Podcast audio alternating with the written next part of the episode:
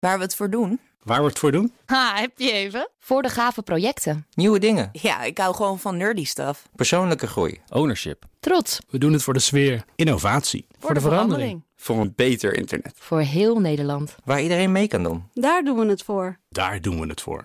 Waar doe jij het voor? Kom werken voor KPN en groei op jouw manier. Check de actuele vacatures op het gebied van data, security, development en networking op jobs.kpn.com/tech. Wetenschap vandaag. Met een immuuncel die tot nu toe volledig over het hoofd werd gezien in kankeronderzoek, blijkt mogelijk juist een hele belangrijke rol te spelen bij het aanslaan van immuuntherapie. Nou, dat klinkt als een uh, belangrijke cel. Wetenschapsredacteur Carlijn Meinders kan daar meer over vertellen. Hey Carlijn. Hoi. Ja, hoe zijn ze deze immuuncel op het spoor gekomen? Ja, daar was een uh, zesjarig onderzoek voor nodig. En twee onderzoekers, of eigenlijk een artsonderzoeker en een onderzoeker, die vanaf het begin al samen zijn opgetrokken. En die vrij onvermoeibaar door zijn gegaan met dit onderzoek. Uh, internist-oncoloog Marleen Kok van het Nederlands Kankerinstituut is daar één van. Ze vertelt waarom ze dachten: deze kant moeten we op. Voor mij begint onderzoek altijd met een probleem bij de patiënt. En wat het probleem is, is uh, hè, ik ben geïnteresseerd in borstkanker en ik behandel borstkankerpatiënten. Je hebt immuuntherapie, wat bij een aantal kankersoorten goed werkt. En ja, zes jaar geleden ook al lang standaardbehandeling was. Maar eigenlijk was er met immuuntherapie bij borstkanker weinig ervaring.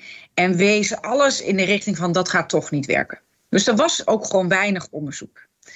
En ja, ik en andere collega's en mensen zoals Karen dachten van ja, dat, we moeten dat gewoon gaan testen. Want het is helemaal nog niet bewezen dat het niet gaat werken. Ja, dus in 2015, 2016 zijn ze daar ingedoken als een van de eerste ter wereld. Daarbij bedachten ze meteen aan het begin iets. En hadden ze dat niet gedaan, dan was deze ontdekking er niet geweest. Laten we dan ook bij mensen ja, bloedsamples verzamelen en tumoren verzamelen om te leren van als het toch bij iemand aanslaat, waarom dan? Mm. Ja, ze zijn dus zoveel mogelijk gaan verzamelen. Toen al helemaal aan het begin. Toen was alleen nog niet duidelijk: gaat die immuuntherapie überhaupt werken bij patiënten met borstkanker? Nou, dat bleek wel zo uh, uh, te zijn. Um, en. Um, uh, ja, toen zijn ze al helemaal aan het begin eigenlijk met een extra interesse voor niet voor de hand liggende immuuncellen en hun rol in die ziekte en behandeling uh, gaan kijken. Want dat was waar Karin Visser, uh, de andere onderzoeker bij het NKI en het Oncode Instituut, op dat moment al mee bezig was eigenlijk. Maar eerst moest dan, neem ik aan, nog de vraag beantwoord worden: werkt die immuuntherapie überhaupt bij ja, borstkanker? Ja, precies, klopt. En, en dat zagen ze inderdaad. Bij sommige mensen slaat het echt aan. Dat was toen groot nieuws. Het was totaal niet verwacht, zoals we eerder al hoorden. Het idee was, nou, die immuuntherapie bij borstkanker, dat kunnen we wel vergeten. Maar het werkte dus wel.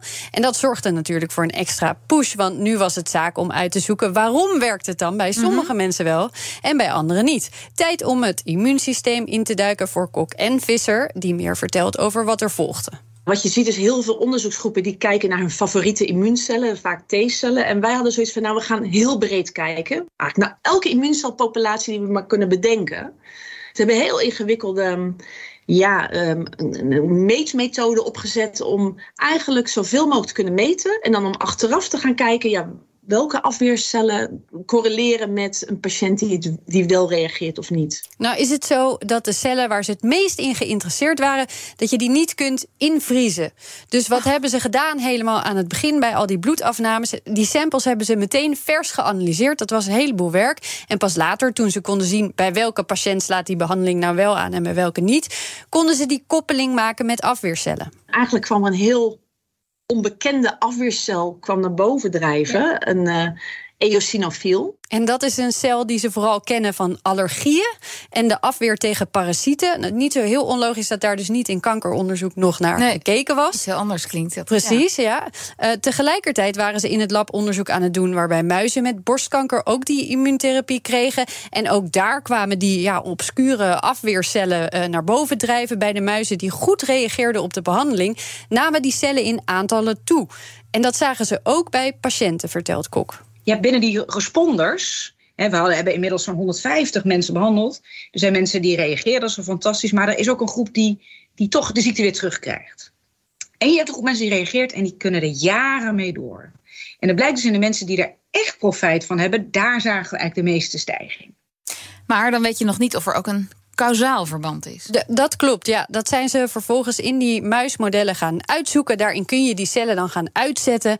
En de muizen waarin dit gebeurde reageerden niet meer goed op die hmm. immuuntherapie. En dan weet je, we hebben hier iets belangrijks te pakken. Deze cellen spelen een grote rol. Toen zijn ze gaan bekijken, hoe werkt dit dan? Wat doen die cellen als ze er wel zijn? Nou precies, in reactie op die behandeling. Hoe zorgen ze dat die beter werkt?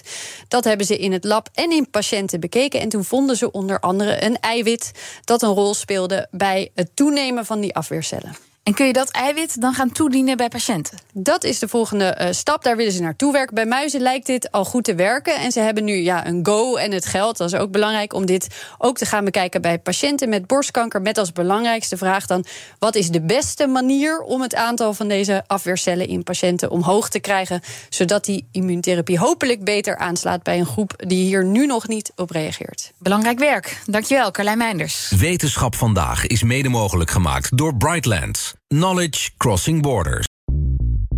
Bij BNR ben je altijd als eerste op de hoogte van het laatste nieuws. Luister dagelijks live via internet. Bas van Werven. En heel langzaam komt de zon op rond dit tijdstip. Je krijgt inzicht in de dag die komt op BNR, het Binnenhof in Nederland en de rest van de wereld. De Ochtendspits. Voor de beste start van je werkdag. Blijf scherp en mis niets.